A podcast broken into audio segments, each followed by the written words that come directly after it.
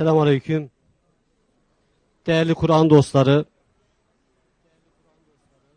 Envarul Kur'an dersimizin yeni dönem ve sezonuna başlamak üzereyiz.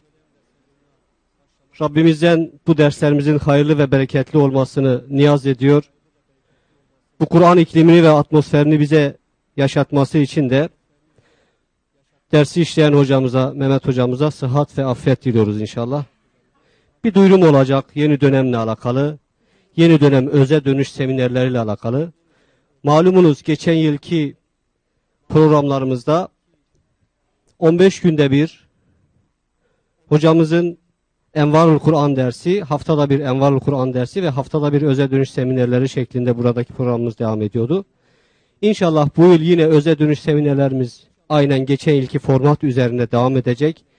Bu yıl yine farklı konu ve konuklarımızla ve farklı bir formatta hatta bazen geçen sadece konferans düzeyinde ve konferans biçiminde devam ediyordu.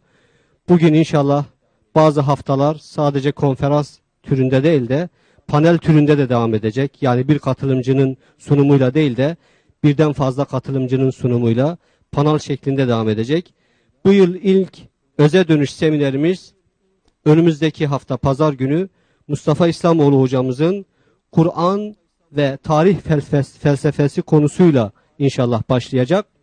Ayrıca şunu da ifade edeyim. Geçen yıl seminerlerimiz yapılıyor.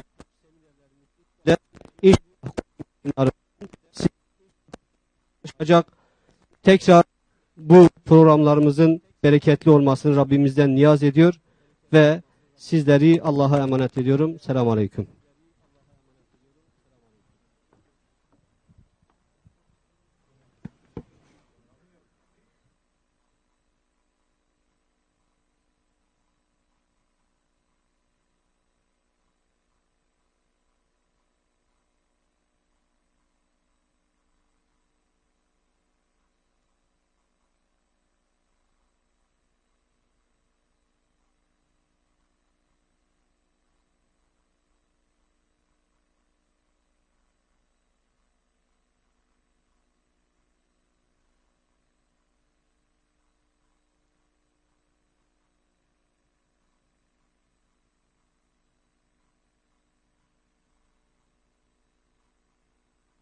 Ahmet, nerede bu?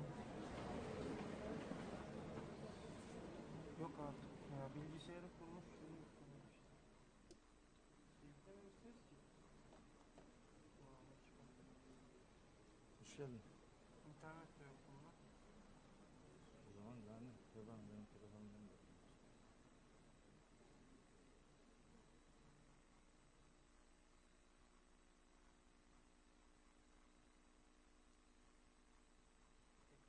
Evet.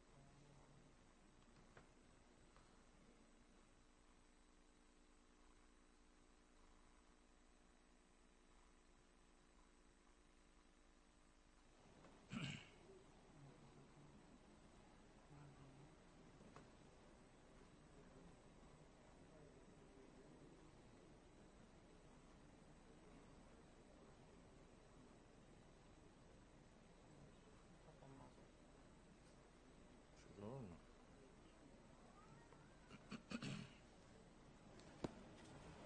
أعوذ بالله من الشيطان الرجيم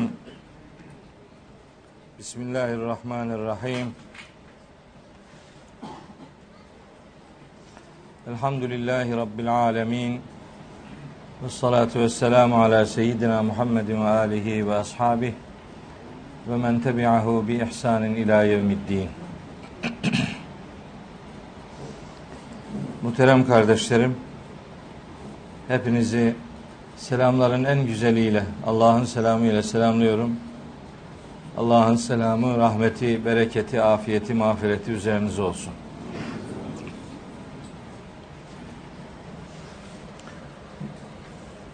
Envarul Kur'an derslerimizin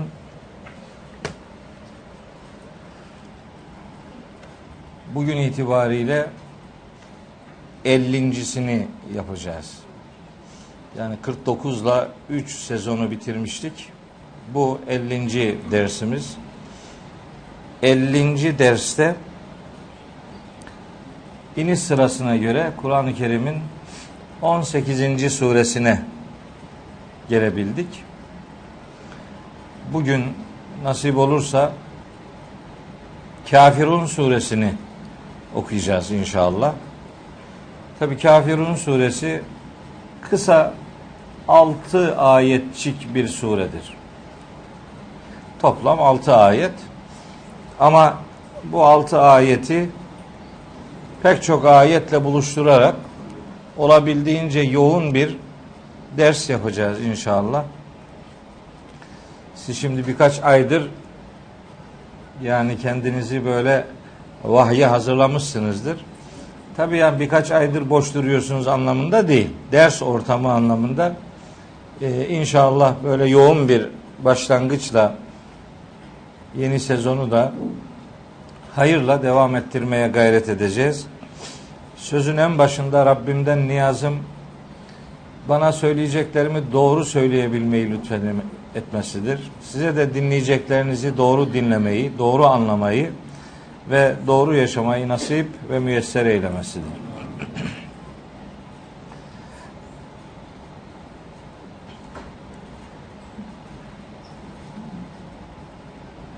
Birkaç aylık bir ara içerisinde ben çok yoğun bir şekilde çalıştım.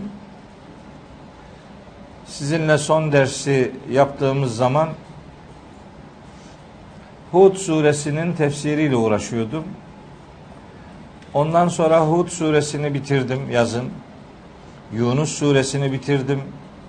Yusuf suresini bitirdim. Hicr suresini bitirdim.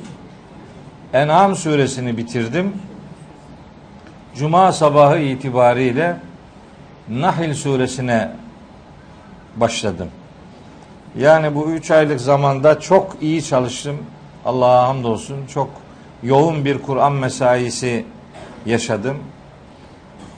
O itibarla benim de size söyleyecek çok yeni düşüncelerim oluştu. Bu sezon içerisinde peyderpey onları sizinle paylaşacağım inşallah. demektir.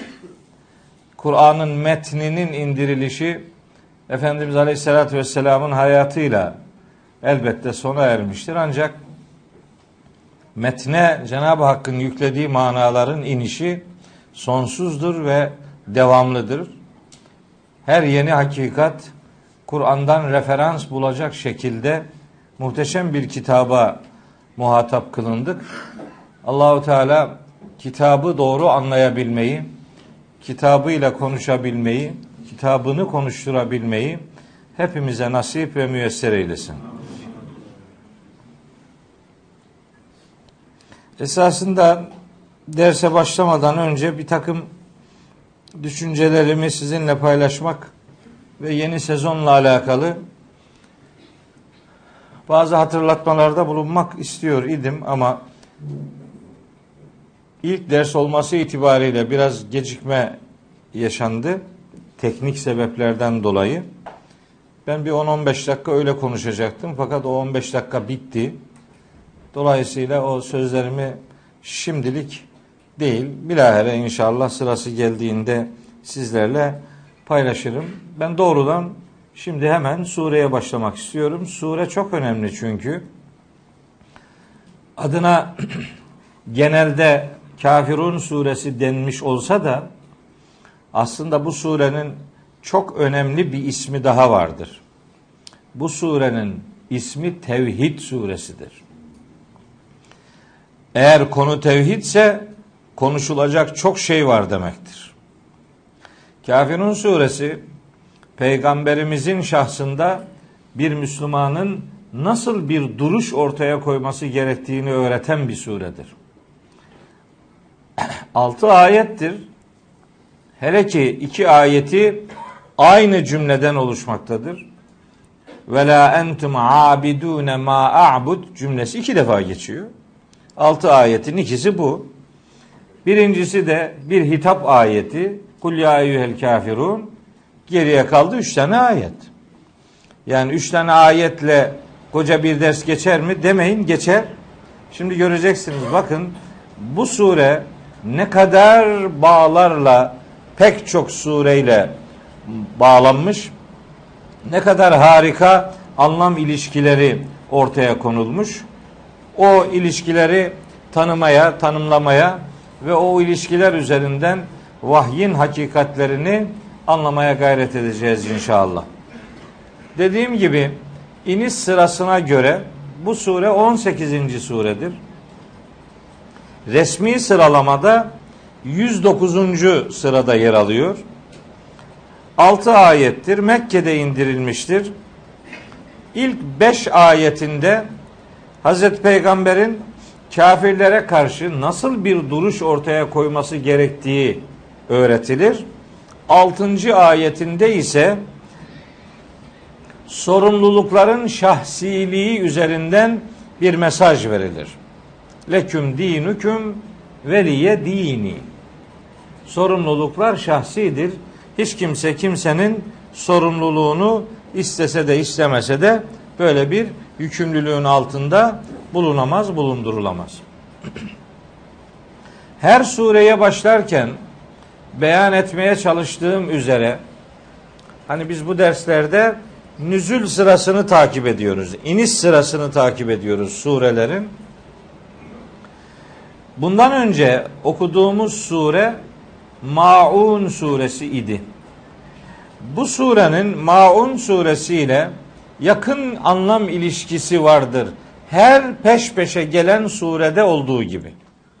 Yani Maun suresi 107. sırada gelmiş. 17. E, sırada gelmiş. 107. resmi sıralamada olan bir sure. Kafirun suresi ondan sonra gelmiş. İkisinin arasındaki anlam ilişkisini bilmek, bu anlam ilişkisini kurmak lazım. Hatırlayabiliyorsanız Maun suresi 7 ayetlik bir sure olmasına rağmen hep nankör insanı bize tanıtan bir içerikte geldi. Her ne kadar o derste detaylı bir şekilde açıkladığım gibi bazı alimlerimiz surenin son dört ayetini her ne kadar Müslümanlarla ve Medine'deki hayatla ilişkilendiriyor olsa da bu doğru olamaz. Sure komple Mekki bir suredir ve başından sonuna kadar olumsuz bir insan tipi üzerinden mesajlar verir.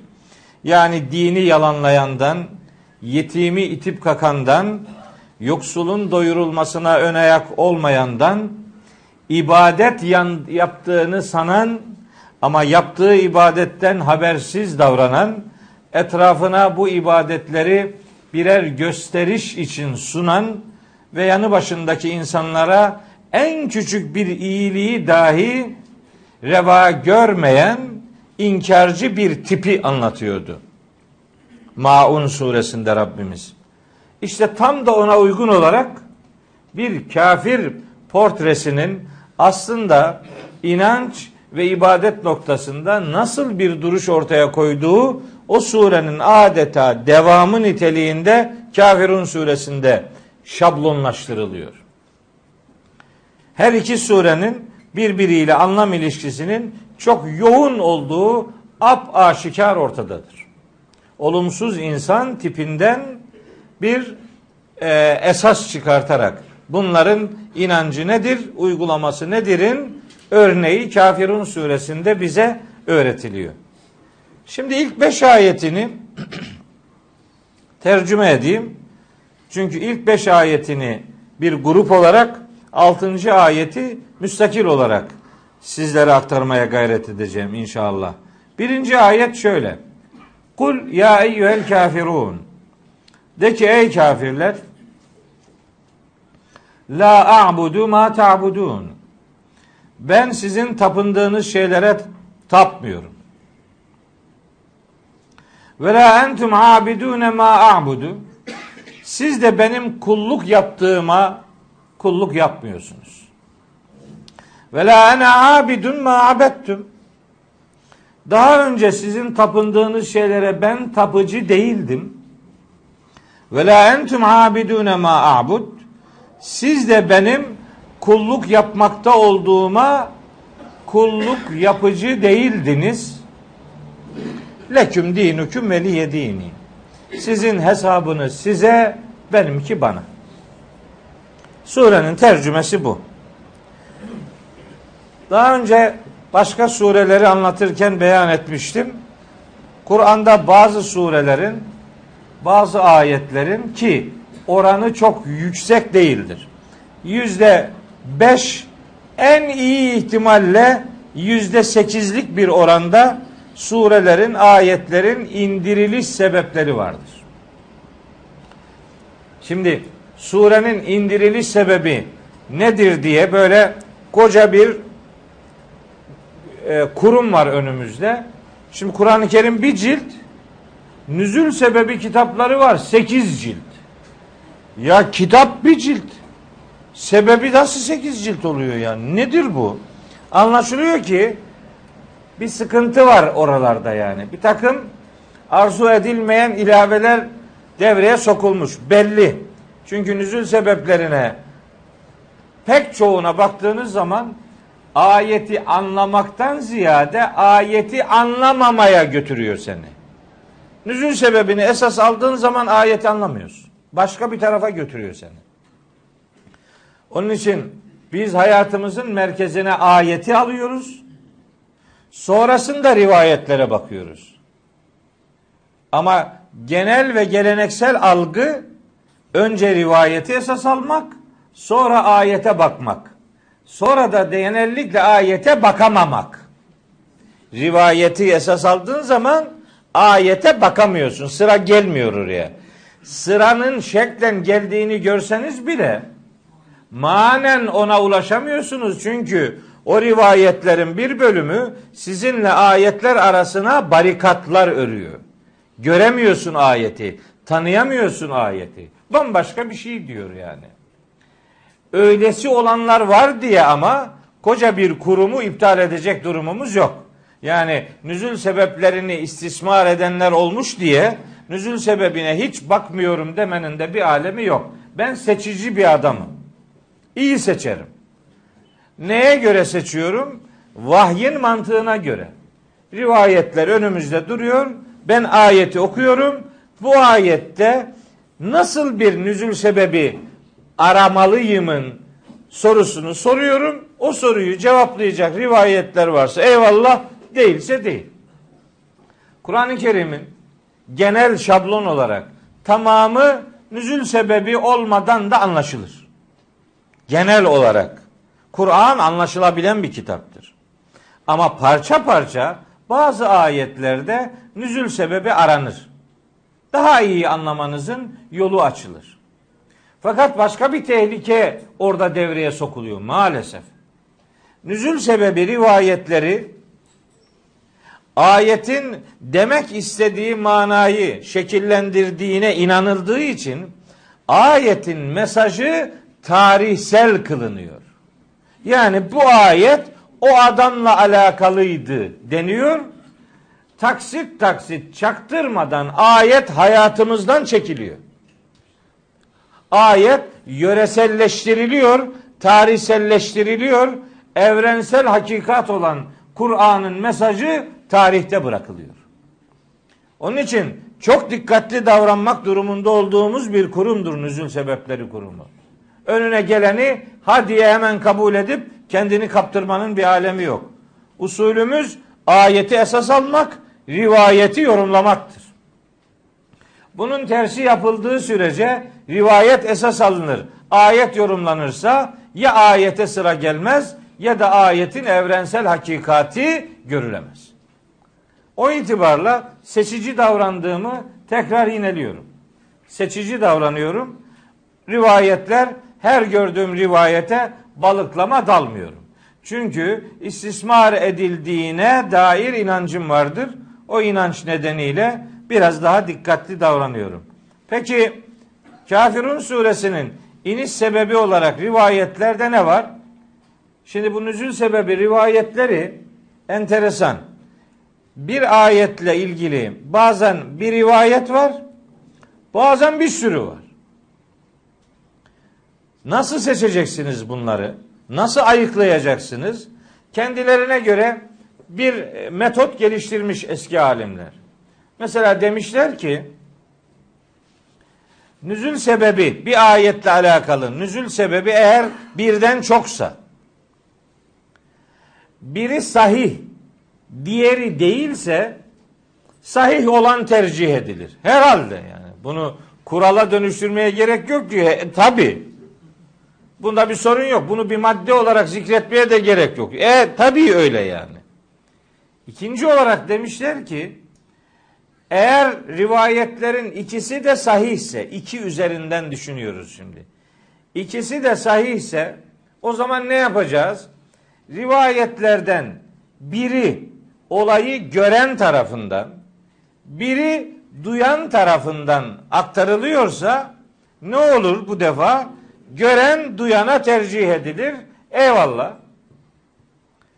Fakat iki rivayet ikisi de gördüm diyorsa veya ikisi de duydum diyorsa yani birini diğerine tercih ettirecek bir sebep yoksa o zaman ne olacak? O zaman ayetin o iki olay üzerine indirildiğine hükmedilir. Yani bu ayetin bir tane nüzül sebebi yok, iki tane var deriz diyor. İki olay da ayetten önce meydana gelmiştir. O olaydan sonra ayet inmiştir. Buna hükmedilir. Fakat bazen böyle de olmayabilir. Çünkü olayların biri diyelim ki ayetin inişinden 10 sene önce olmuştur. Diğeri ayetin inişinden hemen önce meydana gelmiştir. O zaman ayet ikisiyle alakalı indi diyemeyiz. Peki ne yapacağız? Ayetin iki kere indiğine hükmederiz. Bu olmaz işte.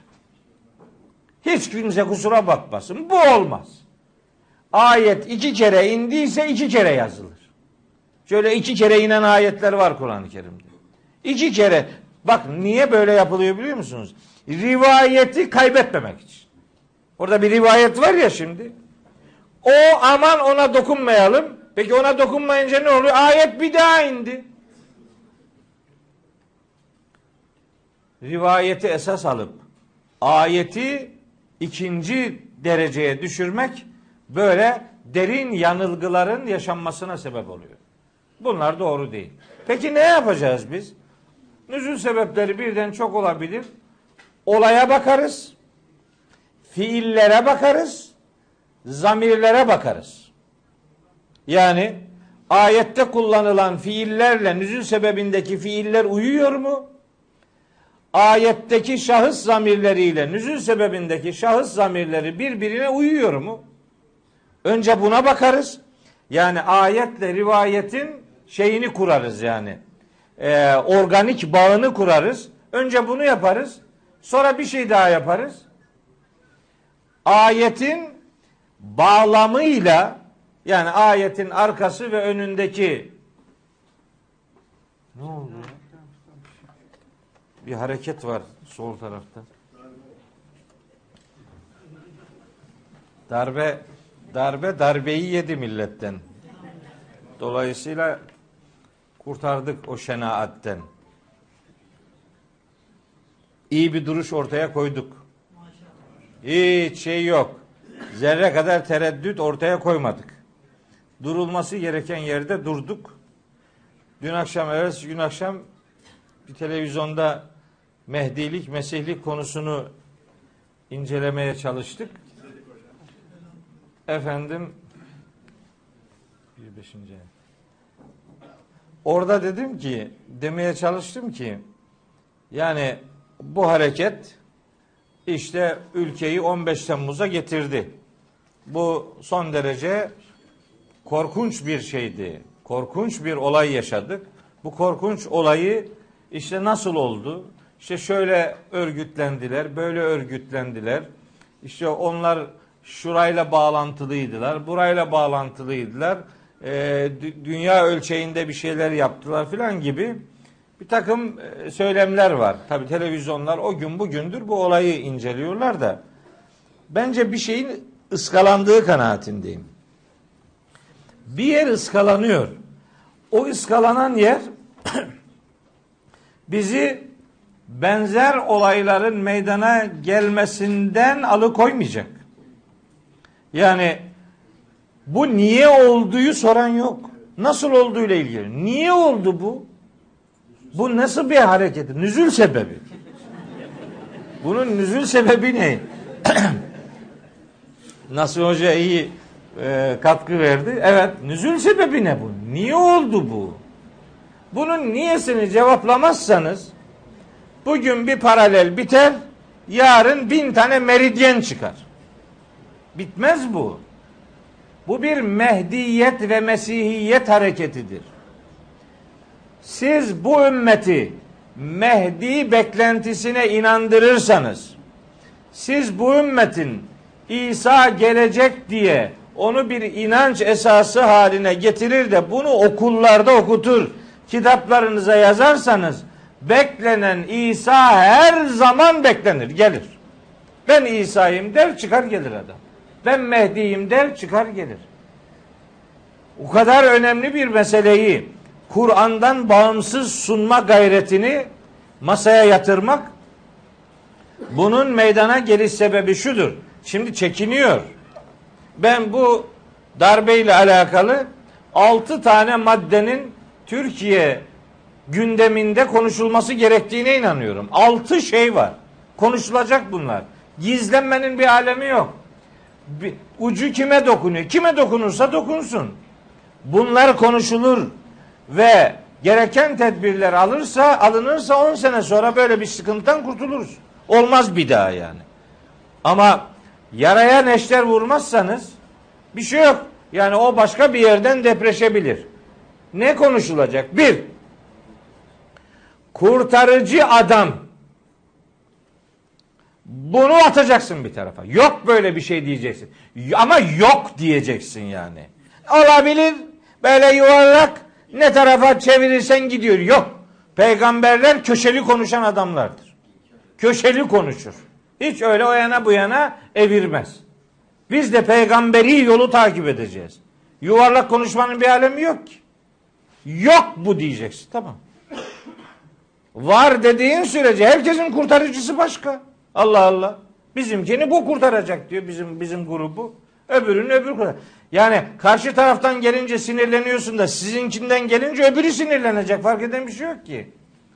Kurtarıcı adam algısını reddedeceksin. Bir, Mesih inancını reddedeceksin. Böyle bir şey yok. Mesih filan gelmeyecek. İsa, Musa kimse gelmiyor. Hz. Muhammed'in öldüğü dünyada İsa, Musa'nın yaşadığına inanmak Hz. Muhammed'i anlamamaktır. İsa gelmeyecek. Öldü çünkü. Hz. İsa. Üç, Mehdi gelmeyecek. Yok böyle bir şey.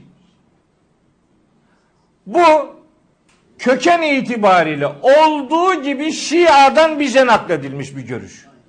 Önüne gelen Şia ile alakalı bir takım böyle ileri avazı çıktığı kadar hatta hakaret içeren sözler söylüyorlar ama bütünüyle oradan bize gelmiş olan bir inanışı kabulde hiçbir tereddüt göstermiyor. Metih, Mesih inancı gibi Mehdi inancı da bize ithal edilmiş bir inanıştır. Düşünebiliyor musunuz? Kur'ani bir kavramdır diyor. Ya Mehdi kelimesi Kur'an'da hiç geçmiyor ya. Nasıl buna Kur'ani kavram diyorsun sen? Ayıklanacak mecburuz. Yüzleşeceğiz inancı, inandığımız şeylerle. Dört, kıyamet alametleri konusunu yeniden konuşacağız. Öyle yok. Kur'an'ın şu kadar ayetinde aniden geleceği beyan edilen bir olayla alakalı o kadar alamet var ki hepsi her zaman var. Kopmuyor bu kıyamet. Hazreti Peygamber bunu anlatırken sahabilerine anlatırken sahabiler öyle endişe ederlermiş ki yani ha koptu ha kopacak. Hatta peygamberimize nispet edilen bir rivayette buyuruyor ki ene ve sa'ah kehateyni ben ve son saat böyle iki parmağım gibi yan yanayız. Her an kopabilir. Bu, bu peygamberi söz doğru. Neden? Çünkü bağteten aniden gelecek diyor ya. Kaç defa diyor üstelik bunu. Kıyamet alametleri. En başta kıyamet alametlerini konuşsanız gerisine gerek kalmayacak yani. Alameti yok bitti. Başka bir şey yok. Mehdi de yok, Mesih de yok. Tamam rahatladık. Rahatlayacağız yani. Aniden kopacak. Sen hazırlanacaksın. Alamet geldikten sonra imanın bir işe yaramıyor. Öyle diyor En'am suresinin 158. ayetinde. Yevme ye'ti ba'du ayati rabbik la yenfa'u nefsen imanuha lem tekun amenet min qablu ev kesebet fi imaniha hayra. Rabbinin bu anlamdaki ayetleri geldiği gün yani son saatin yaşandığı gün daha önce iman etmediyse bir adam ve o imanıyla alakalı hayırlar kazanmadıysa o anda yapacağı imanın ona bir faydası olmayacak. En'am suresi 158. ayet. Be gözüm ya. Bu kadar mı Kur'ansızlık be? Bu ayet daha neye yarayacak? Firavun ölürken iman etti. Tevbe etti. Oldu mu? Olmadı. Ne dedi ona Allahu Teala? Alane. Şimdi mi aklın başına geldi? Şimdi mi? Ve kad asayte kablu. Daha önce isyan ettin ve künte minel müfsidin. Toplumu fesada uğratanların içerisinde babalık yaptın. Yok böyle bir iman iman değil. Boğulurken boğulma esnasında kendisine e, uygulanan prosedür anlamında iki örnek vardır Kur'an-ı Kerim'de. Biri Firavun örneği imanı tevbesi kabul edilmemiştir. Biri bu. Biri de Hazreti Yunus. Hazreti Yunus da boğuluyordu. Ama boğulmadı. Niye?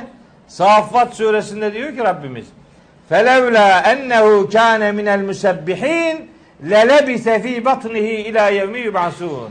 Eğer daha önceden Yunus tesbih eden yani Allah'ı eksikliklerden tenzih edip yaratılış amacı doğrultusunda bir hayat yaşıyor olmasaydı şimdi o da ta diriltilme gününe kadar balığın karnında kalıp gidecekti. Kurtulabilmek için kazanmış olman lazım bir şeyleri. Kur'an'ın Müslümanı olmak böyle bir şey.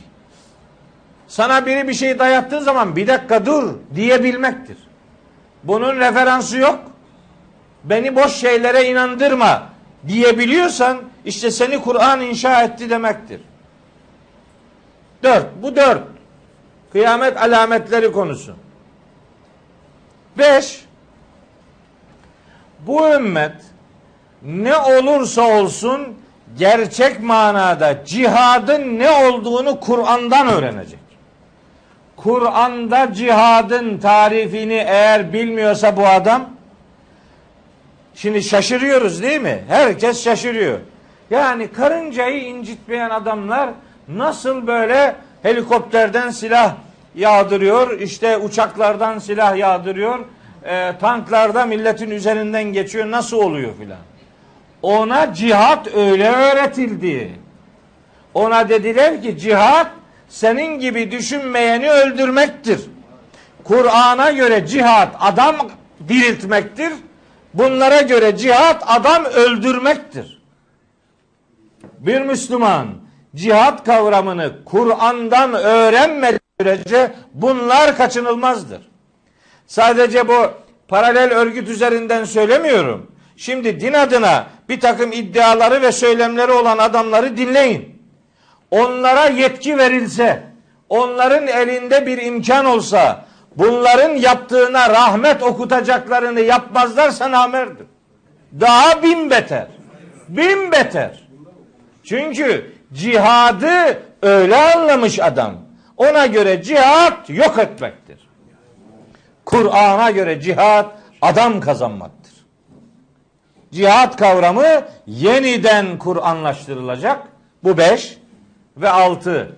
İrtidad edene nasıl davranılacak?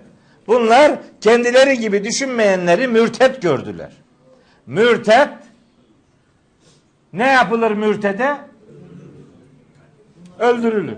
Aa, peki bu kadar önemli bir konu Kur'an'da ıskalanmış olabilir mi? Hayır.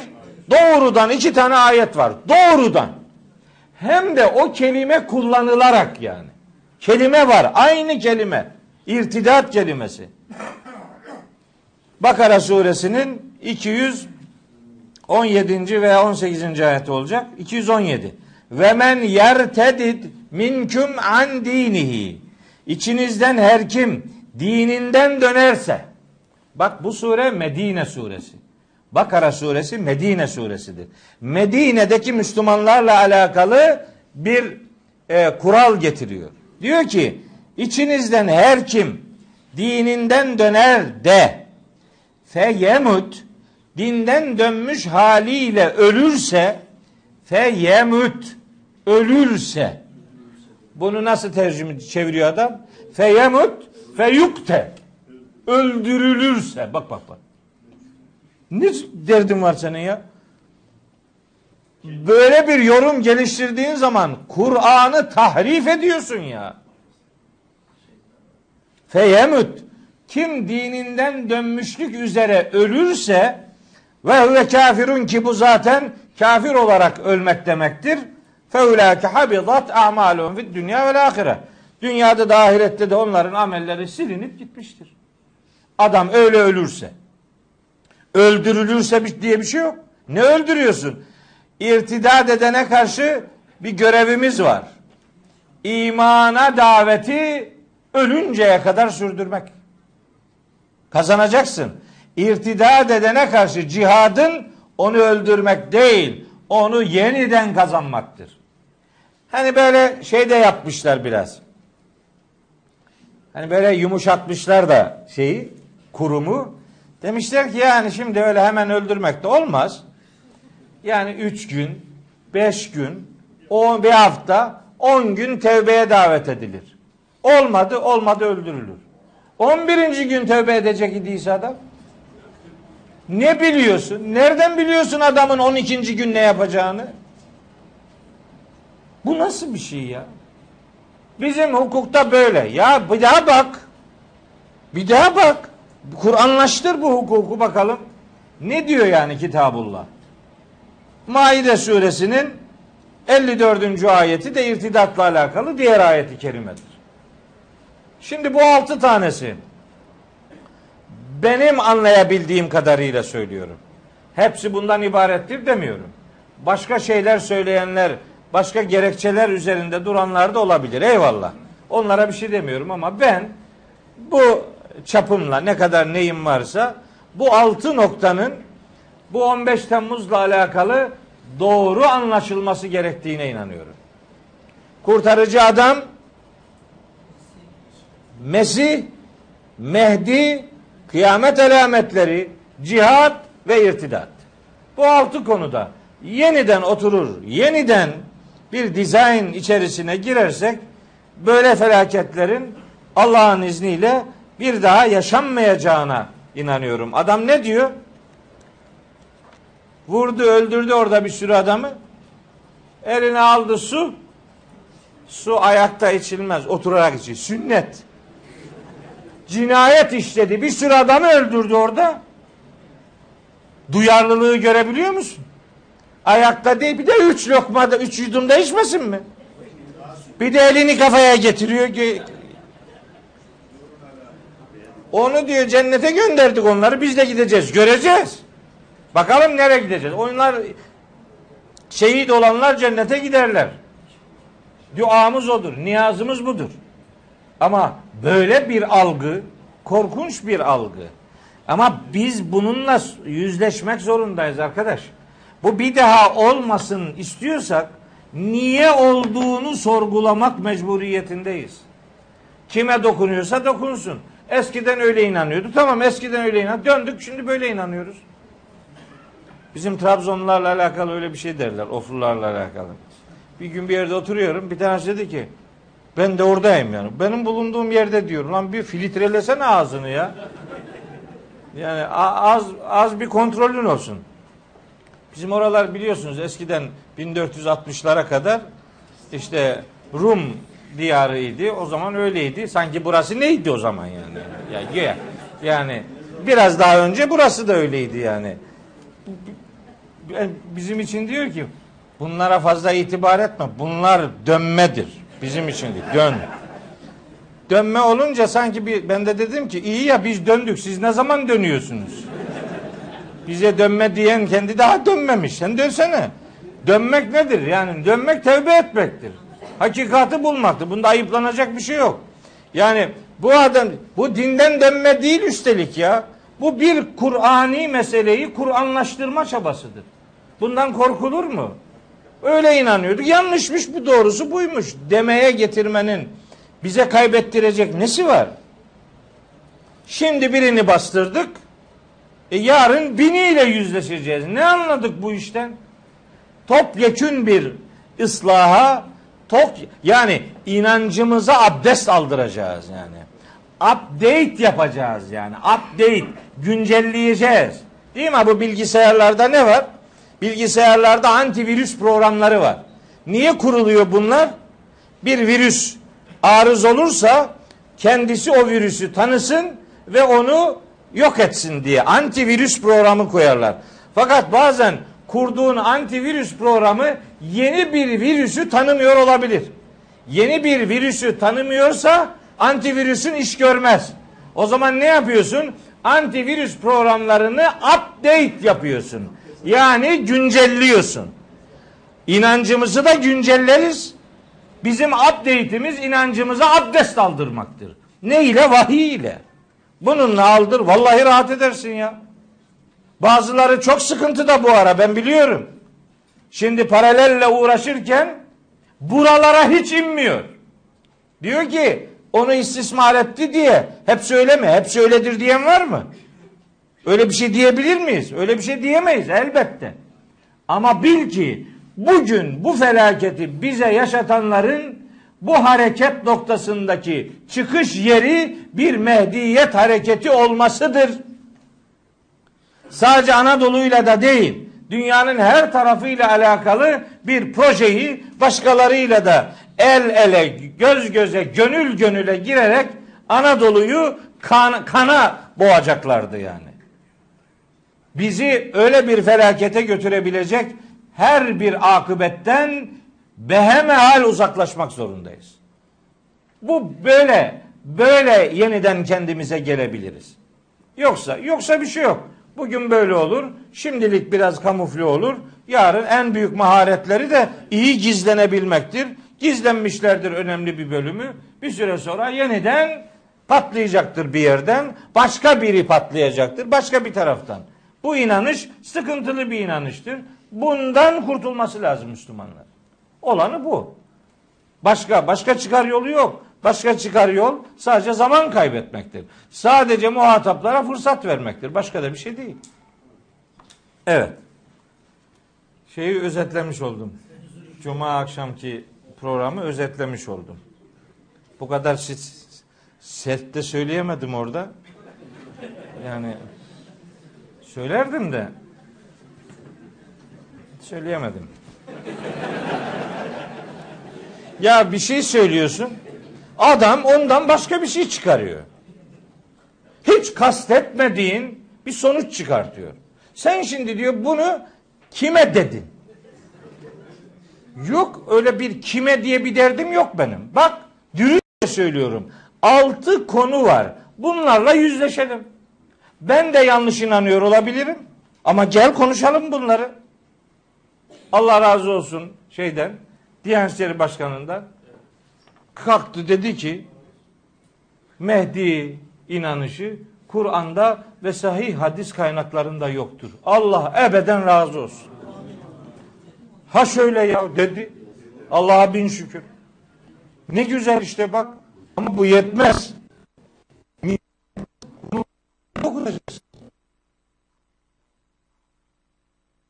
Okutacaksın bunu. İlkokul, ortaokul, imam hatip, Kur'an kursu. Neyse bu böyle olacak. Yeni yetişen nesil böyle bir Mehdi hareketi ihtiyacı hissetmeyecek. Biri ona dayattığı zaman bir dakika dur bu Kur'ani ve peygamberi bir kavram değildir diyebilecek.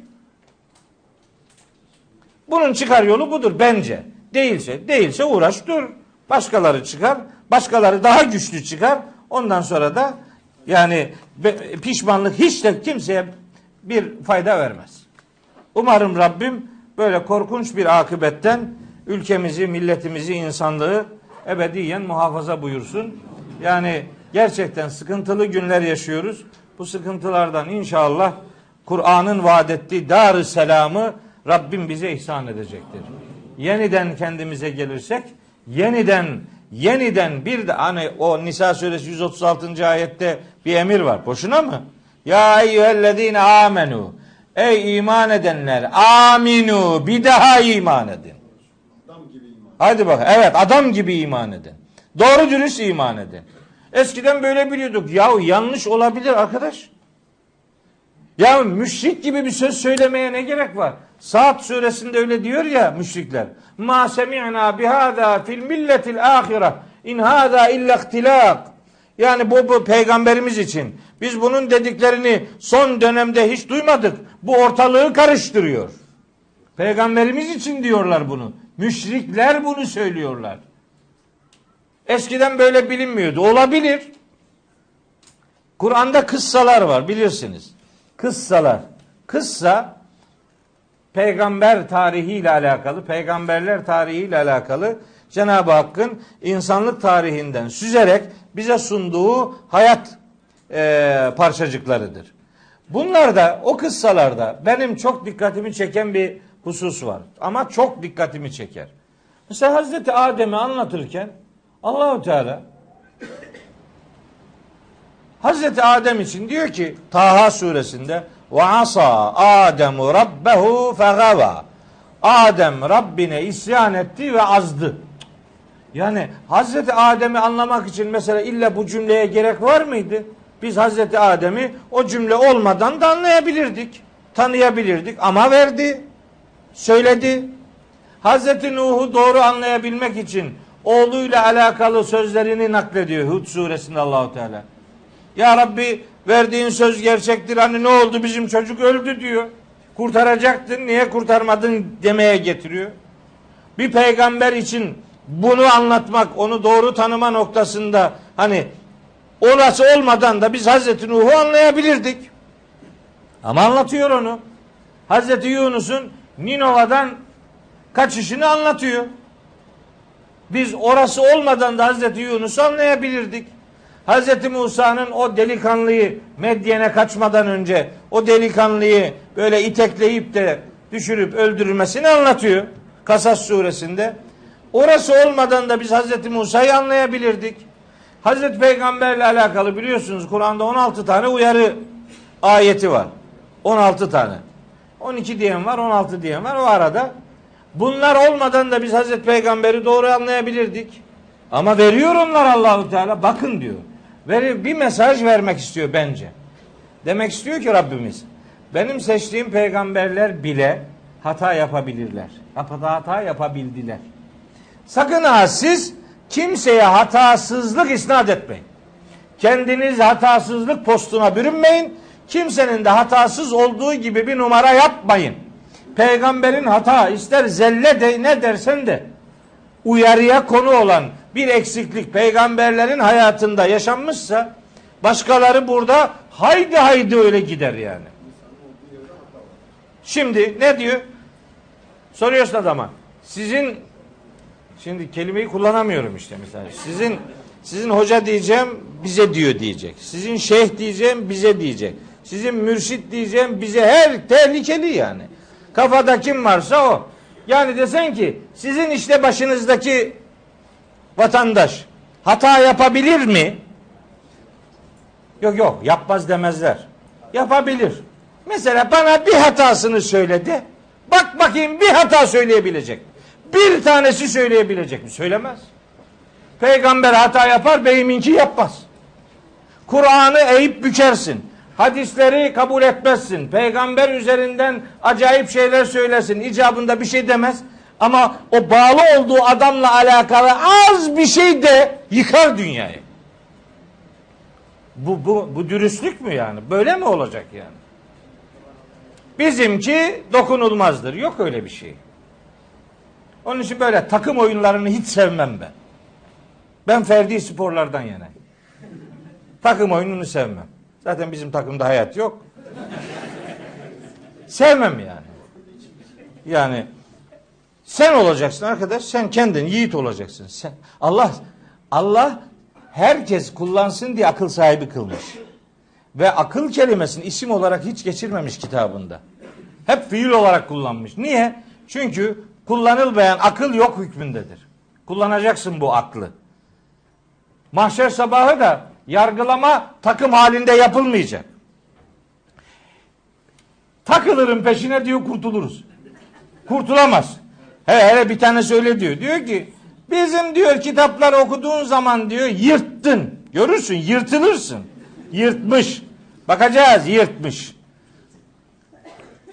Kur'an Kur'an okuyun diyorum. Derdim hoş böyle bilgiçlik taslamak değil. Hadi bu kitap senin de kitabın.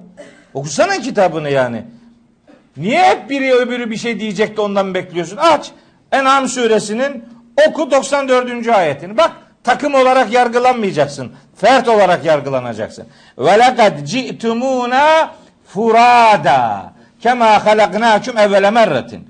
Başında sizi tek başına nasıl teker teker adamlar olarak yarattıysak insanlar olarak hepiniz öyle teker teker geleceksiniz diyor. En'am 94. Veya işte şu ayete bakın. Keyif suresinin kaçıncı ayeti? 48. Lekad ci'tumuna kema halaknakum evvele merretin. Önceden başta sizi nasıl yarattıysak öyle geleceksiniz. Daha çarpıcı bir ayet var. Doğrudan bak açtım hemen orası çıktı. Meryem suresi 95. ayet.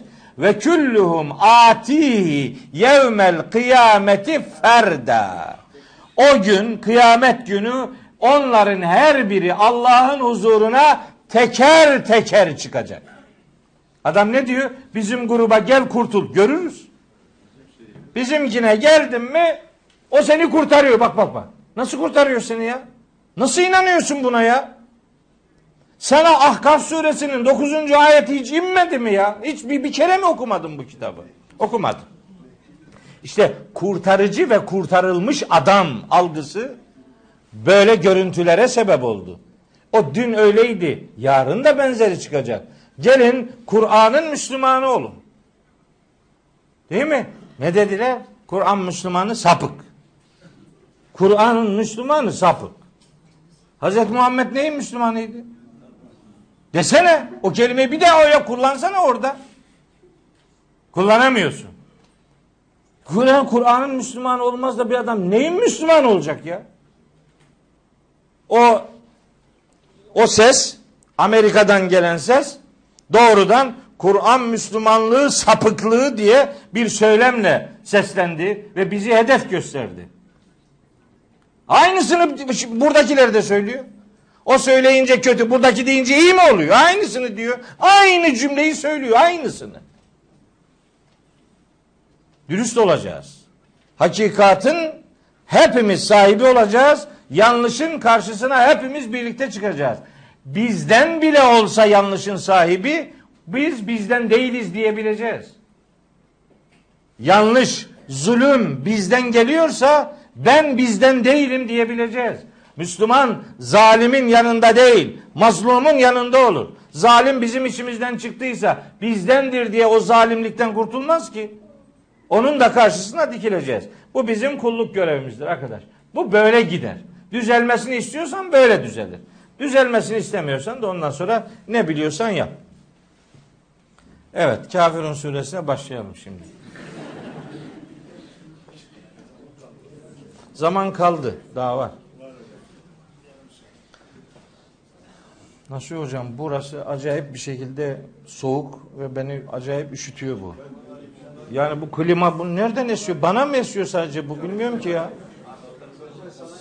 Yani doğrudan kafama geliyor. Doğrudan. Ya bu şu demek ben yarın hasta oluyorum demektir yani bu. E sen orada nasıl duruyorsun dibinde arkadaş ya? Ha size değil buraya vuruyor yani. Evet.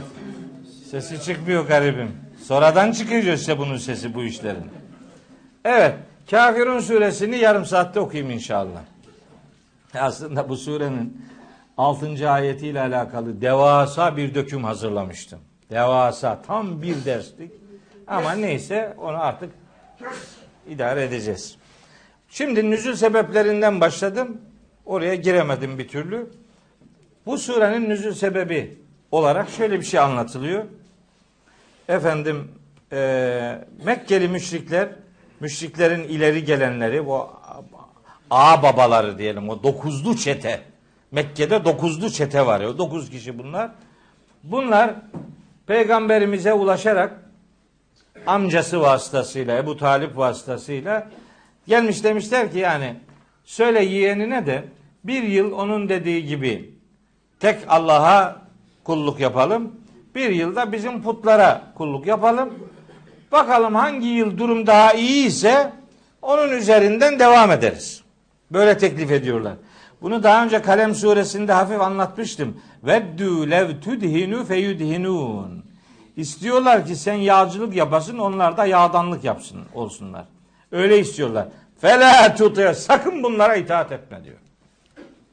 Başka rivayetlerde diyorlar ki peygamberimize teklif etmişler. Demişler ki sen ne istiyorsun? Bir adam en çok ne ister? En çok üç şey ister. Çok mal, çok servet, iktidar. İstiyorsan Mekke'nin en zengini seni yapalım. İstiyorsan Mekke'nin yöneticisi seni yapalım. Bir şey daha var. En güzel kızı sana verelim. Çok büyük iş. Yani teklife bak yani. Yani bunu en güzelini verdi mi ne oluyor? Bütün değerleri onun uğruna heba edelim yani. Bunları kabul eder mi Hazreti Peygamber? Reddetti. İşte onun hani bir beşer olarak ola ki meyledebilir ihtimali birilerinin aklına gelir diye peygamberimizin böyle bir meyli asla olmaz. Öyle birilerinin aklına böyle bir meyil gelir diye Allahu Teala Hazreti Peygamberi hem önce Kalem suresinde şimdi de burada inşa ediyor. Yani bir Müslüman böyle yanar döner bir görüntü vermemelidir. Dik duracak, sağlam duracak, karşı tarafı kendi değerleri noktasında inşa edecek. Orası da anlayacak. Bu adam taviz vermez. Siz böyle böyle hafif sağdan soldan eğilirseniz adam sizi bir punduna getirir, sizden taviz koparır. Taviz tavizi getirir zaten. Bir yerde durmayan hiçbir yerde durmaz. O öyle gider artık. Allahu Teala Hazreti Peygamberi durduruyor. Diyor ki Kul de ki Ya eyyuhel kafirun Ey kafirler Kul emirleri var Kur'an-ı Kerim'de. Oldukça yoğun geçen ifadelerdir bunlar. Bunların Kur'an'da yer almasının çok önemli iki sebebi var. Bu sebeplerin biri kul emirleri Hazreti Peygamber'i inşa ederler. Yani onu risalet noktasında şekillendirir, donanımlı hale getirir. İki, kul emirleri Rabbimizin vahyini sahiplenmesinin görüntüsüdür. Yani peygamberimizin din adına, vahiy adına söylediği şeyler ona ait sözler değil Allah'ın sözleridir. Böylece Cenab-ı Hak vahyini sahiplenmektedir. En'am suresinde buyuruyor ki 33. ayette قَدْ نَعْلَمُ اِنَّهُ لَيَحْزُنُكَ الَّذ۪ي يَقُولُونَ Biz biliyoruz o adamların sözleri seni hüzünlendiriyor. Biz bunu biliyoruz. Fe innehum ama onlar la yukezzibuneke aslında seni yalanlamıyorlar. Velakinne zalimine bi ayatillahi yechadun. Bu zalimler Allah'ın ayetlerini inkar ediyorlar. İşte vahiy Cenab-ı Hakk'a ait bir bildirimdir.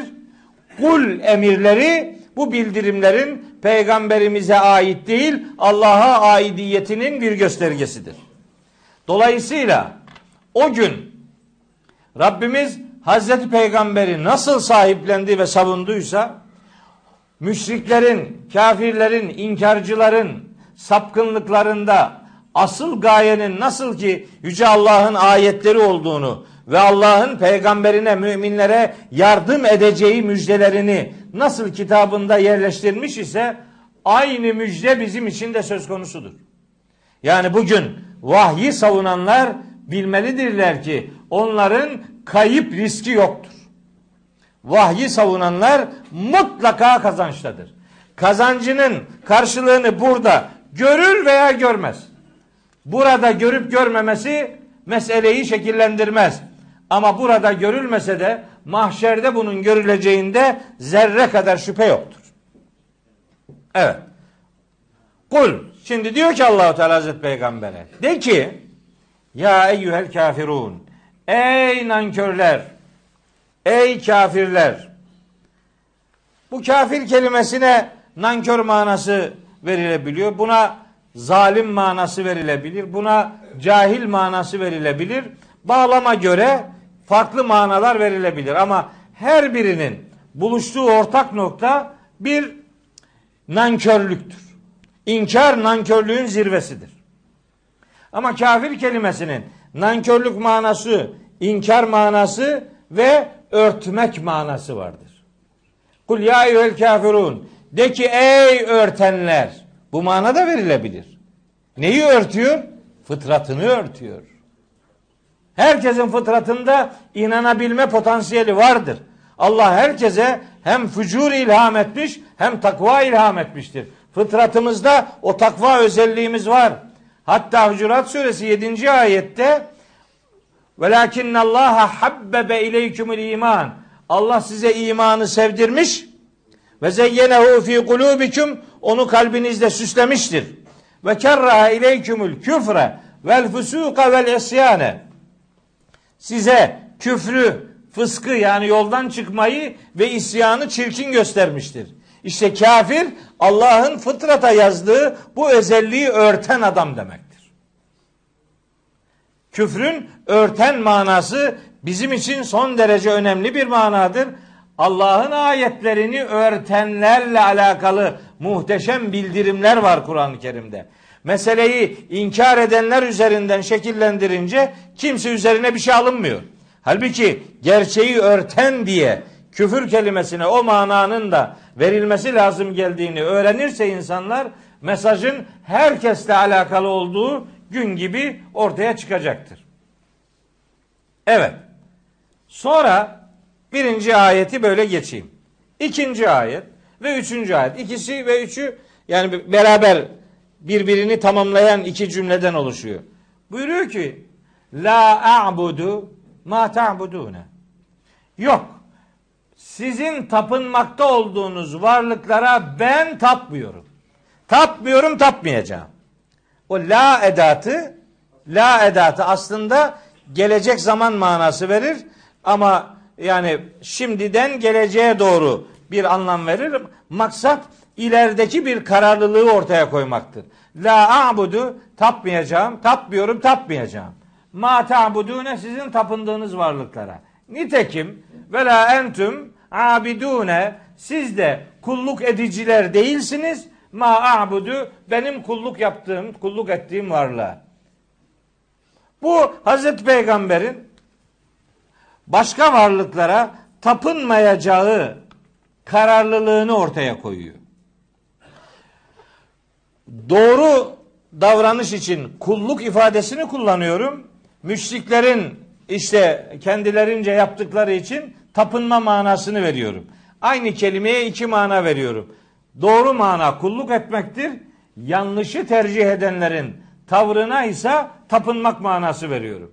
Siz benim kulluk ettiğim kudrete kulluk yapmıyorsunuz. Ben de sizin vaktinde tapmış olduğunuz veya şimdi tapmakta olduğunuz varlıklara tapmıyorum, tapmayacağım diye bir tevhid vurgusu devreye giriyor. Şimdi bununla alakalı ayetler var Kur'an-ı Kerim'de. Cenab-ı Hak Hazreti Peygamberi inşa ediyor. Yunus suresinde buyuruyor ki 104. ayet. Kul de ki bak bu da aynı kulle başlıyor. De ki inşa ediyor. Bir toplum bir zihin inşası toplum inşası için vazgeçilmezdir ve start noktasıdır. Oradan başlar. Kul ya eyyühennas ey bütün insanlar in kuntum fi şekkin min dini siz benim tebliğ ettiğim bu dinden şüphedeyseniz bilin ki fela a'budullezine ta'budune min dunillahi Allah'ın peşi sıra sizin tapındığınız varlıklara ben tapınmayacağım. Ve lakin ancak ben a'budullâhe Allah'a kulluk yapacağım. Bu bir duruş ortaya koymaktır. Sen benden bir şey istiyorsun diye ben durum değişikliği yapmam. Ben hakikatın talibiyim.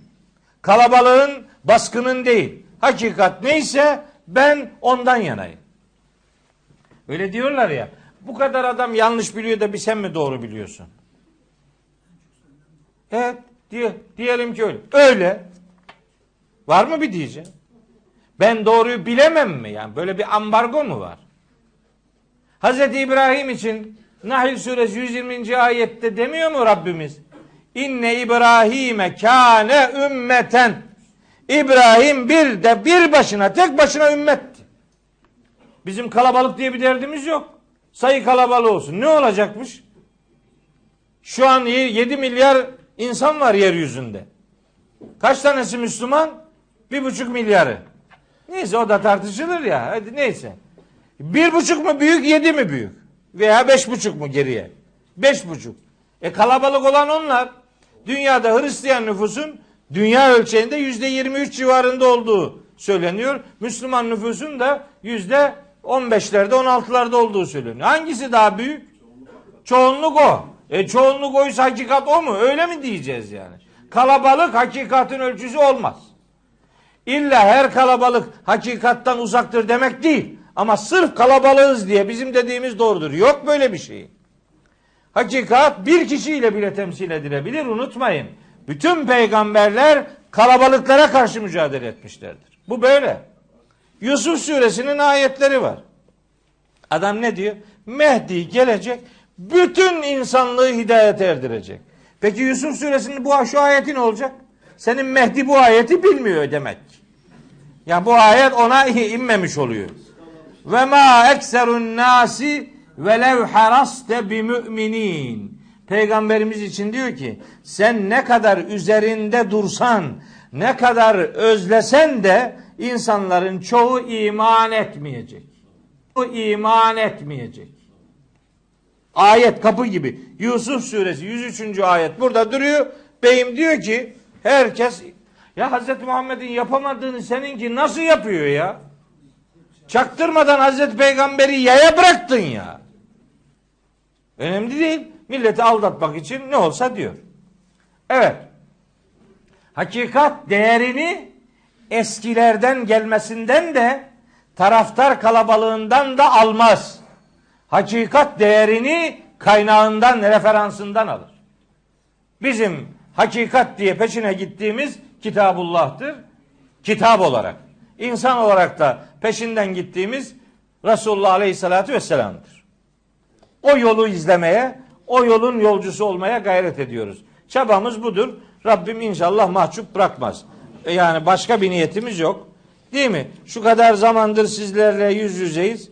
Hiçbir zaman sizi bana davet etmedim.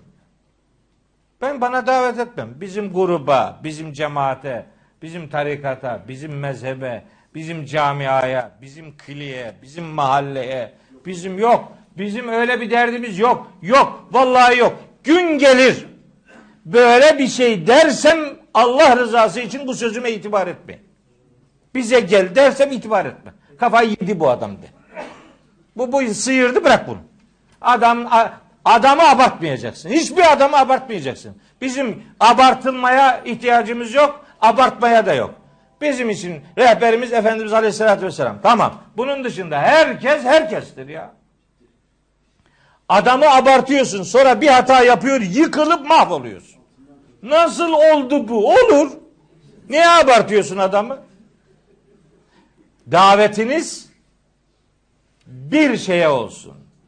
Biz davetimizi Rabbimize yöneltiriz. Allah'a çağırırız, başkasına değil. Allah'a çağırmak için onu insanda programladığı bir fıtrat var. Biz biz bize gelin demeyiz. Biz kendinize gelin deriz. Fıtratınıza gelin. Siz siz olun. Ve Allah'ın davetine icabet edin. Başka başka ne daveti olacak? Niye kendimize davet edelim? Ya yarın bir hata yaparsak onun faturasını nasıl ödeyeceğiz? Kitabullah sana da gönderilmiş kitaptır arkadaş. Bunu benim okuyup anlamam yetmez. Sen de okuyup anlayacaksın. Ne kadar ne kadar gücün varsa. Anlayamam diyor. Ne anlayamam diyorsun? Niye anlayamıyorsun yani? Eline bir tane protestolu senet geldi mi acayip anlıyorsun. Bir yerden bir para bir, bir şey geldiği zaman nefesi geldiğinde yüzünün coğrafyası değişiyor. Orada anlıyorsun. Ama Kur'an'ı anlamaya sıra geldi mi anlamıyorum ben diyor. Yok öyle bir şey yok. Ona hiç itibar etmem. Ben benim anamdan biliyorum. Benim anam 79 yaşında. Benim anam her gün bir cüz Kur'an'ın mealini okuyor. Her gün. 80 yaşında. Diyor ki anam yani ben diyor ulan ben bunları unutuyorum diyor. O unutuyorum. İnsan demek unutkan varlık demektir zaten. Ne yani unutmasaydın seninle mi uğraşacaktı? Yani iyi ki de unutuyorsun. Yani unu- unutur insan. Ama 80 yaşında. 80 yaşında her gün bir cüzün mealini, metnini de okuyor, mealini de okuyor. Bizde böyle metne bir mesafe de oluyor ara sıra. Yok. Bizim için metin de önemlidir, mana da önemlidir. O mana bu metnin içindedir. Metni önemsemeyip manayı nasıl sahipleneceksin? Onların kalıplarıdır bunlar. Bunlarsız olmaz. Rabbim böyle uygun gördü. Biz ikisini beraber götüreceğiz. Ben annemle yan yana geldiğim zaman mesela televizyonda bir program olduğu zaman anam diyor ki aa diyor bak şimdi diyor o, o konuda biraz sonra şu var değil mi diyor. Yani daha çok böyle kıssa türü şeyler anlatıldı mı anam hemen oradan buluyor yakalıyor. Diyor ki orada o var değil mi? 80 yaşında be. 80 yaşında. Sen 20 yaşındasın, 30 yaşındasın, 40 yaşındasın. Niye bana acuze numarası yapıyorsun 120 yaşındaki gibi hiçbir şey anlamam diyorsun. Anla. Anlarsın, anlarsın. Dene. Ne kadar? Ya safını belli et be. Karınca misali ben safım budur de. Ne kadar anlarsan. Bir kere oku göreceksin anladığını. Anlayamayız diyor. Bir kısmı da böyle empoze ediyor. Anlayamazsınız okumayın. Bir de ne diyorlar? Kur'an okuma manasını okuma saparsın. Kur'an okuma saparsın. Yani koca bir ulan koca bir yalan ya. Ya nasıl bunu söylüyorsun ya? Hadi o söyledi. Sen nasıl inanıyorsun buna ya? Ya adam senin aklınla dalga geçiyor ya. Öyle değil mi? Bu buna insan malzeme olur mu? Buna malzeme verir mi? Ah, okuyor şimdi ayet. Niye anlaşılmıyor bunun? Kul de ki En'am suresi 56. ayet. De ki, de ki anlamıyor musun? İnni nühitu bana yasaklanmıştır. En a'budellezine ted'une min dunillahi. Allah'ın peşi sıra varlıklara yalvarmam. Sizin Allah'ın peşi sıra yalvardığınız varlıklara kulluk yapmam bana yasaklanmıştır. Ya bunun neyini anlamadım ben? Yasak. Allah'tan başkasına kulluk yapmayacaksın diyor işte. Bu zor değil. Zorlamanın bir alemi yok. Zor değil. İşte la a'budu ma ta'budun. Peygamberimizin şeyini gösteriyor. Kararlılığını gösteriyor. Şimdi de gelecekte de Allah'ın peşi sıra tapındığınız varlıklara asla ve asla kulluk yapmayacağım ben. Mümin suresi 40 66. ayet. Bakın ne harika bir mesajı var. Kul inni nuhitu en a'budellezine ted'un min dunillahi lemma ca'en yel beyinatu min rabbi ve umirtu en üslime li rabbil alemin. Yani Allah'ın peşi sıra yalvardığınız o varlıklara kulluk yapmam bana kesin olarak yasaklanmıştır. Hele ki bu Rabbimden gelen apaçık beyanlar ortada olduğu halde benden nasıl böyle şeyler istersiniz? Bana emredilen alemlerin Rabbi olan Allah'a teslim olmaktır. Başka başka hiçbir sözünüze itibar etmiyorum diyebilmektir. İşte la a'budu ma ta'budun böyle bir duruş ortaya koymak. Yani gaza gelerek, kalabalıklara itibar ederek, efendim bir takım reklamasyon e, aldatmalarıyla, görüntü yansımalarıyla, yanıltmacalarıyla hakikat ters yüz edilemez. Buraya bir Müslüman alet olmaz, kendini buna malzeme etmez. Şimdi burada bir teknik bir mesele vardı. Onu anlatacaktım ama onu geçiyorum. O teknik meseleyi anlatmıyorum. Geliyorum şimdi 4 ve 5. ayetlere. Ne kadar güzel, ne harika bir mesaj var şimdi bu 4 ve 5. ayetlerde. Buyuruyor ki Rabbimiz, peygamberimizin şunu ilan etmesini istiyor. Ve la ene abidun ma abettum. Ben sizin daha önce tapındığınız varlıklara tapıcı değildim. Bakın bu cümle la a'budu ma ta'budune cümlesinden farklıdır. Bu iki cümle tekrar değil. La a'budu ma ta'budune bir halin şimdiki ve gelecek zamanını içerir. Ve la ene abidun ma abettum ifadesi geçmiş zamanı ilgilendirir. Ben bu ayetten hareketle gayet rahat bir şekilde Peygamberimiz Aleyhisselam'ın peygamber olmadan önce de hiçbir zaman müşrik olmadığını söylüyorum. Başka bazıları şunu söyleyebiliyorlar. Bir peygamberin peygamber olmadan önceki hali önemli değildir. Öyle de olabilir, böyle de olabilir. Hayır, öyle de olmaz, böyle de olmaz. Böyle olur. Öyle değil. Yani piyasadakilerden bir tanesini seçti Allah, öyle mi? Ya niye Hira mağarasına çıkıyordu? Yani Mekke'ye böyle bir kuş bakışı manzara atmak için mi çıkıyordu? Neydi derdi? Arayış içerisindeydi. Mekke'nin ahlaksız dünyasından bunalmıştı ama çözüm üretemiyordu. Çözüm üretemiyordu. Peygamberimiz Mekke'nin muvahhitlerinden idi. Haniflerinden idi. Muvahhid ne demek? Tek Allah inancına sahip olan demek. Hanif de o demek yani. Şirke bulaşmadan tek Allah inancına sahip ol- olmaya hanif denir ve haniflik Hazreti İbrahim'e nispet edilir. Oradan bu yana bütün peygamberlerin onun öncesinde de tabi peygamberi duruş hanif duruştur. Hanif Allah'ı tek ilah kabul edebilme duyarlılığının adıdır. Peygamberimiz hayatının hiçbir zamanında böyle bir puta tapma yanlış yapmamıştır. Bu delil budur. Ve la ene abidun ma abettum. Abettum. İşi bilenler fark ederler. Abettum fiili mazi bir fiildir. Geçmiş zaman. Sizin daha önce taptığınız o varlıklara ben o zaman da tapmamıştım.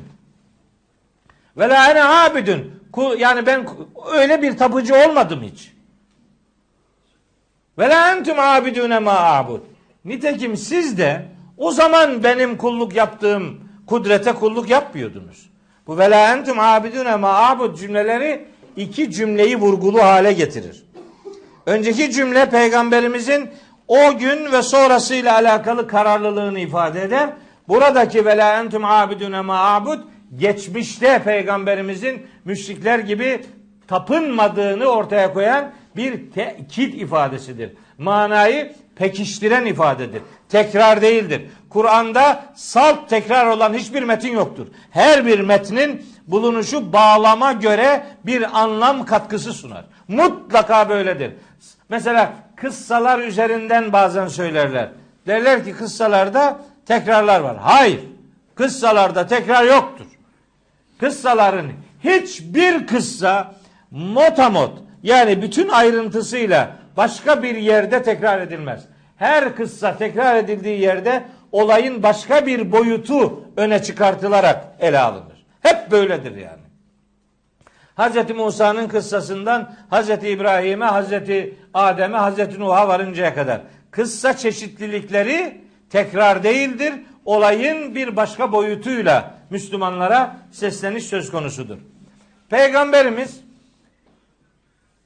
peygamber olmadan önce başka bir put önünde eğilmemiştir.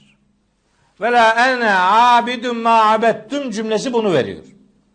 Başka delilimiz de var. Mesela Necm suresinin ikinci ayet aslında bunu söyler. Ne diyor orada? Ve necmi izâ heva ma dalle sahibukum ve ma gava. Ma dalle sahibukum. Sizin arkadaşınız şaşmadı, şaşırmamıştı zaten. Ve ma. Azmamış, azgınlaşmamıştı. Onun öyle sapkın ve azgın bir geçmişi yoktu zaten. Öyle değil mi? Hazreti Peygamber peygamberliğe hazırlanıyordu yani. Daha doğmadan babası vefat etti. O işte iki yaşındayken şey 6 yaşındayken annesi vefat etti. 8 yaşındayken dedesi vefat etti. Bütün kolu kanadı kırıldı. Öyle beklenirdi. Savrulması lazımdı. Hayata tutunamaması gerekiyordu o şartlarda. Ama hiç de öyle olmadı. Ne diyor Allahu Teala Duha suresinde? Elem yecidike yetimen feava. Ava sahiplenmek demektir. Barınmasını sağlamak. Onu ihtiyaçların girdabından koruyabilmek. O bağlamda peygamberimize öyle bir amca lütfetti ki Cenab-ı Hak ne anneyi arattı, ne babayı arattı, ne de dedeyi arattı. Yani o öyle bir süreçten geliyor. Piyasadaki herhangi biri değildi Hazreti Peygamber. Duyarlılıkları olan hanif ve muvahhid bir geleneği takip eden bir yapıda geldi ve onun peygamberlik öncesi durumda da herhangi bir putperestlik çirkinliğine bulaşmadığının delilidir. Hem bu ayet yani Kafirun suresinin dördüncü ayeti hem de Necim suresinin ikinci ayeti Efendimizin bu anlamda Risalet öncesinde herhangi bir yanlışlık putperestlik anlamında herhangi bir yanlışlık yapmadığının ifadesidir. 1 ila 5. ayetlerin vermek istediği genel mesaj aşağı yukarı budur. Ben bir takım detaylar üzerinde de duracaktım ama artık onlara gerek yok. Az da olsun şu 6. ayetle alakalı da birkaç bir şey söyleyeyim. Çünkü bir sonraki ders bir daha Kafirun suresiyle e, ilişkili beyanımız olmasın. 6. ayet. Leküm dinüküm veliye dini. Veliye dini.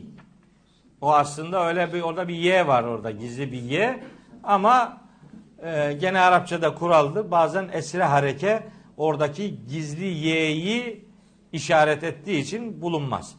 Dini benim dinim yani benim tebliğ ettiğim din bana sizinki size. Bu ne demek biliyor musunuz? Yeri geldiğinde adama diyeceksin ki ben senin inandığın dine inanmıyorum. Seninki başka bir din ya. Sen tanınmaz bir hale getirmişsin bunu. Sadece kaporta tutuyor motor bozuk. Yani kaporta ne kadar güzel olursa olsun motorda hayat yoksa ne olacak yani? Şeyi bakın demin söyleyecektim de öyle geçtim. Madalle sahibukum ve ma ifadesi var ya. Orada peygamberimiz için Allahu Teala peygamberimizin adını söylemiyor.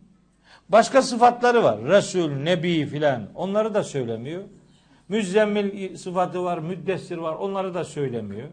Başka bir sürü kelimeler kullanabilirdi peygamberimiz için. Hiçbirini kullanmamış. Sahip kelimesini kullanmış. Sahip, sahip sohbetinde bulunan arkadaş demektir.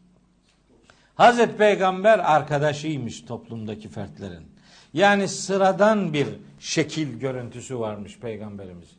Hatta Medine'de dışarıdan gelen bir grup onunla görüşmek istediğinde bulunduğu kalabalık bir ortamda gelip soruyor adamlar hanginiz Muhammed? O kadar sıradan ki fark edemiyorlar hangisi olduğunu. Tam bugünküler gibi. Yani var ya nasıl belli olmaması mümkün mü? Ya adamın içtiği bardak farklı. Ye bileyim kaşığı farklı. E, elbisesi farklı. Arabası farklı. Her şeyi farklı ya. Adam kendisi gelmeden gürültüsü geliyor yani. Onu anlamaman mümkün değil. Bağırıyor. Benim ve farklıyım. Ama Hazreti Peygamber öyle değildi işte. Ma dalle sahibukum. Arkadaşınız sizden biri. Sizden biri olursa daha muhabbetli olur. Ayrıcalıklı olmak, mesafeli olmak demektir. Mesafeli olanla muhabbet kuramazsın. Öyle bir duruş ortaya kon, konulsun istiyor Allahu Teala. Bizden de. Sıradan ol. Herkes gibi ol. Ha, öyle, tabi öyle derler ha bir de öyle de. Allahu Teala diyor ki innema ene beşerun mislüküm. De ki ben de sizin gibi bir beşerim. Bak. Bak. onun gibi, sizin gibi diyor. Ya beşerum mislüküm. Sizin gibi bir beşer. Farkı ne? Yuha ileyye Allahu Teala ona vahyediyor ki ennema ilahukum ilahun vahid. Sizin ilahınız tektir. Vahye muhatap. Ama diğer taraflarda beşer. Ben her zaman söylüyorum. Beni yanlış anlayanlara inadına inadına söylüyorum. Hani yanlış anlamaktan vazgeçsin diye. Ben hatırlattıkça adam yanlışa devam ediyor. Israr ediyor. Diyorum ki Abdullah'ın oğlu Muhammed Allah'ın elçisi Hazreti Muhammed'e tabi olmak zorundadır. Hazreti Peygamberi farklı kılan risalet öğretileridir. Yoksa toplumun fertlerinden biriydi. Bir beşerdi. Elbette öyleydi. Ne diyeceğiz şimdi? Sahib diyor. Arkadaşınız o kadar toplumun içinden biriydi. Ama ayrıcalığını ortaya koyduk. Ne dedik? Daha önce putlara tapmamıştı. Muvahhid idi. Hanif idi. Bütün teklifleri reddedebiliyordu. Sen edebiliyor musun? İki tane, iki kalem daha fazla alabilmek için atmadığın takla yok. Ben bilmiyor muyum bunları? İşte Hazreti Peygamberi onun sünnetini takip etmek. O bugün olsaydı nasıl davranırdı sorusunu sorup ona göre bir tavır geliştirmektir. Peygamberi sünnet budur. Şeklen birkaç enstrümana takılmak değildir peygamberin sadakat. Efendimiz Aleyhisselatü Vesselam'ın duruşu böyleydi. Onun için yani onu çağa taşımak diye bir görevimiz var. Fakat bunu şu görüntünün yaşadığımız bu ortamın başarabileceğine emin olun. Öyle çok bir güvenim yok. Rahat suresinin 43. ayetini bu ümmet benimsemediği, anlamadığı ve yaşamadığı sürece sadece peygamberimiz üzerinden edebiyat geliştirecek ve hakikatin izini sürmeyi becermeyecek. Ve yekulüllezine keferu kafirler derlermiş ki lesse mursela sen peygamber değilsin. Sana bunu diyenlere cevaben de ki kul kefa billahi şehiden beyni ve beyneküm benim peygamberliğime dair benimle sizin aranızda şahit olarak Allah yeter. Ve bir de men indehu ilmul kitab. Şu kitabın bilgisi kimin elinde varsa benim şahidim onlar olacaktır. Kur'an'ı bilmeden peygamberimizin risaletine şahit olmak mümkün değildir. Burayı bileceksin. Bunu bilmeden Hz. Muhammed'i tanıyamazsın. Rüyamda gördüm. Tabi. Öyle. Rüyada gördüm deyince daha da bir şey diyemiyorsun. Nasıl ispat edeceksin? Her gören başka bir şey görüyor. Anlatıyorlar biri başka türlü bu Hazreti Muhammed nasıl bu şekilden şekile mi giriyor? Nedir bu? Gördüğünün kim olduğunu nereden biliyorsun? Görmüşsün bir şey gördün. İyi bir rüyadır. Eyvallah ona bir şey demiyorum. Fakat benim için neden bir bağlayıcı unsur olarak onu öne sürüyorsun? Nasıl ispat edeceksin bunu? Ya görmediysen niye inanayım mesela ben sana? Yok estağfurullah öyle demeyelim de yani. Bir yani yani iyi bir bazen çok güzel rüyalar görürsünüz. Ben pek fazla görmem de. Rüya görme zamanı ayakta olduğum için yani öyle ayakta rüya görünmüyor yani. Çalışıyorum, yorgun argın yatınca da fazla da bir şey görmüyorum doğrusu. Hayır rüya üzerinden bir edebiyat geliştirmeye gerek yok ki. İspatı yok bunun çünkü. İspat. Sen Hazreti Muhammed'i görmek istiyor musun? Öyle bir görevimiz de yok onu da söyleyeyim. Bizim Kur'an'ın bizden istediği Müslüman tipolojisi içerisinde haftada bir rüyasında Hazreti Muhammed'i görmek diye bir esas yok burada yani. Öyle bir hedefimiz yok.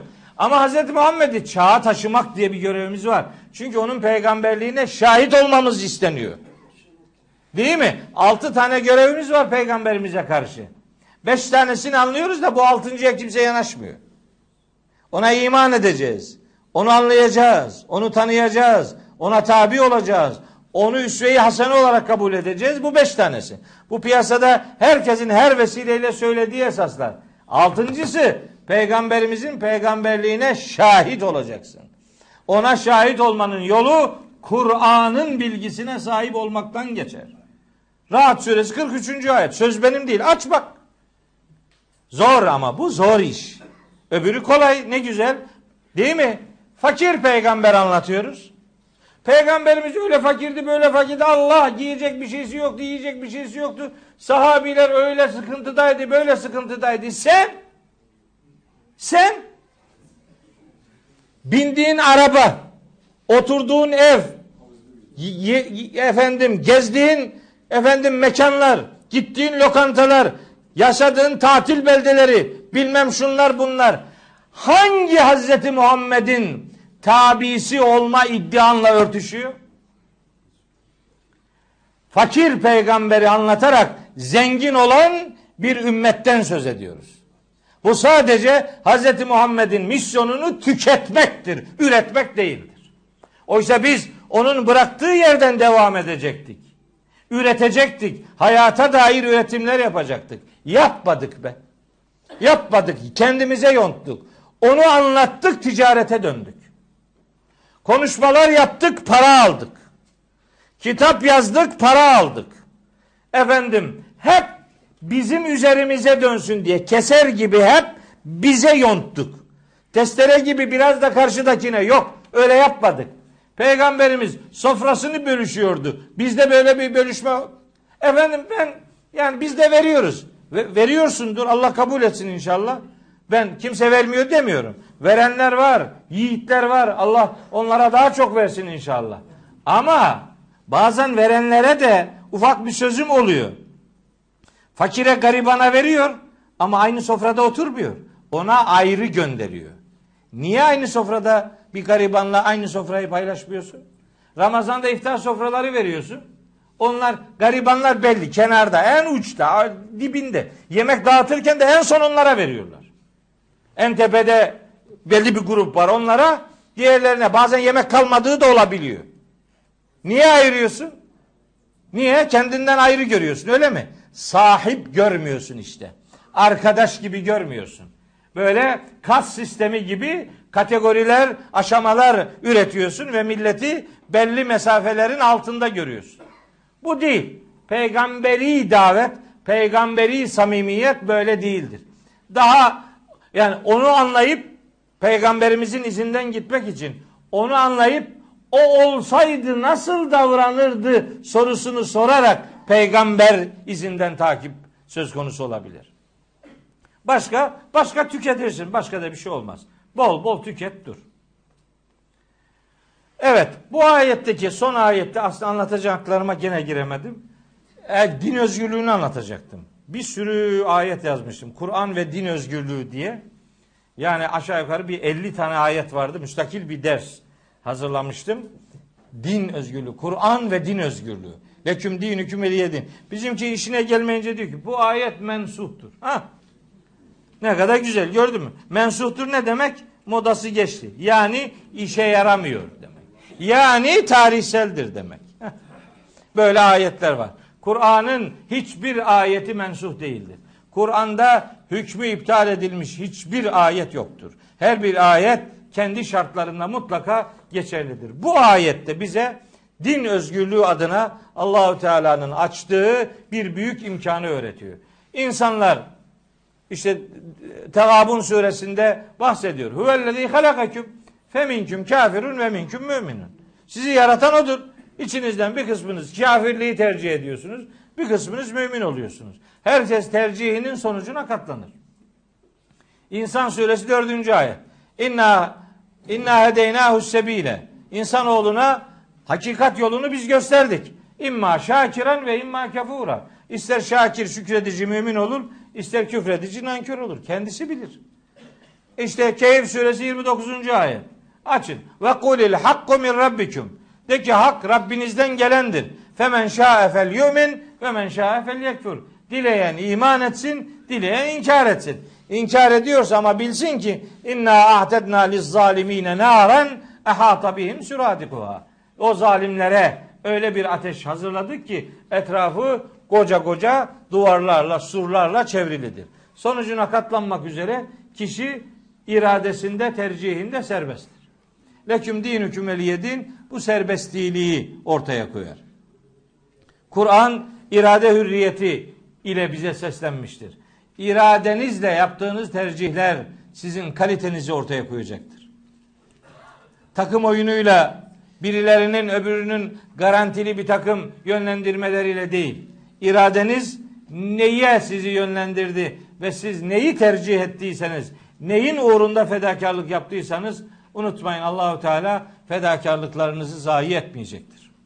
Allah fedakarlıklarını öbür alemde azığı olarak karşısında bulabilecek yiğitlerden eylesin. Bu vesileyle hak ve hayır üzere bir istikametle hepinizi hepimizi muammer eylesin diyor. Bir sonraki derste yeniden buluşuncaya kadar hepinizi Allah'a emanet ediyorum. Allah sizinle ve sevdiklerinizle olsun. Thank you.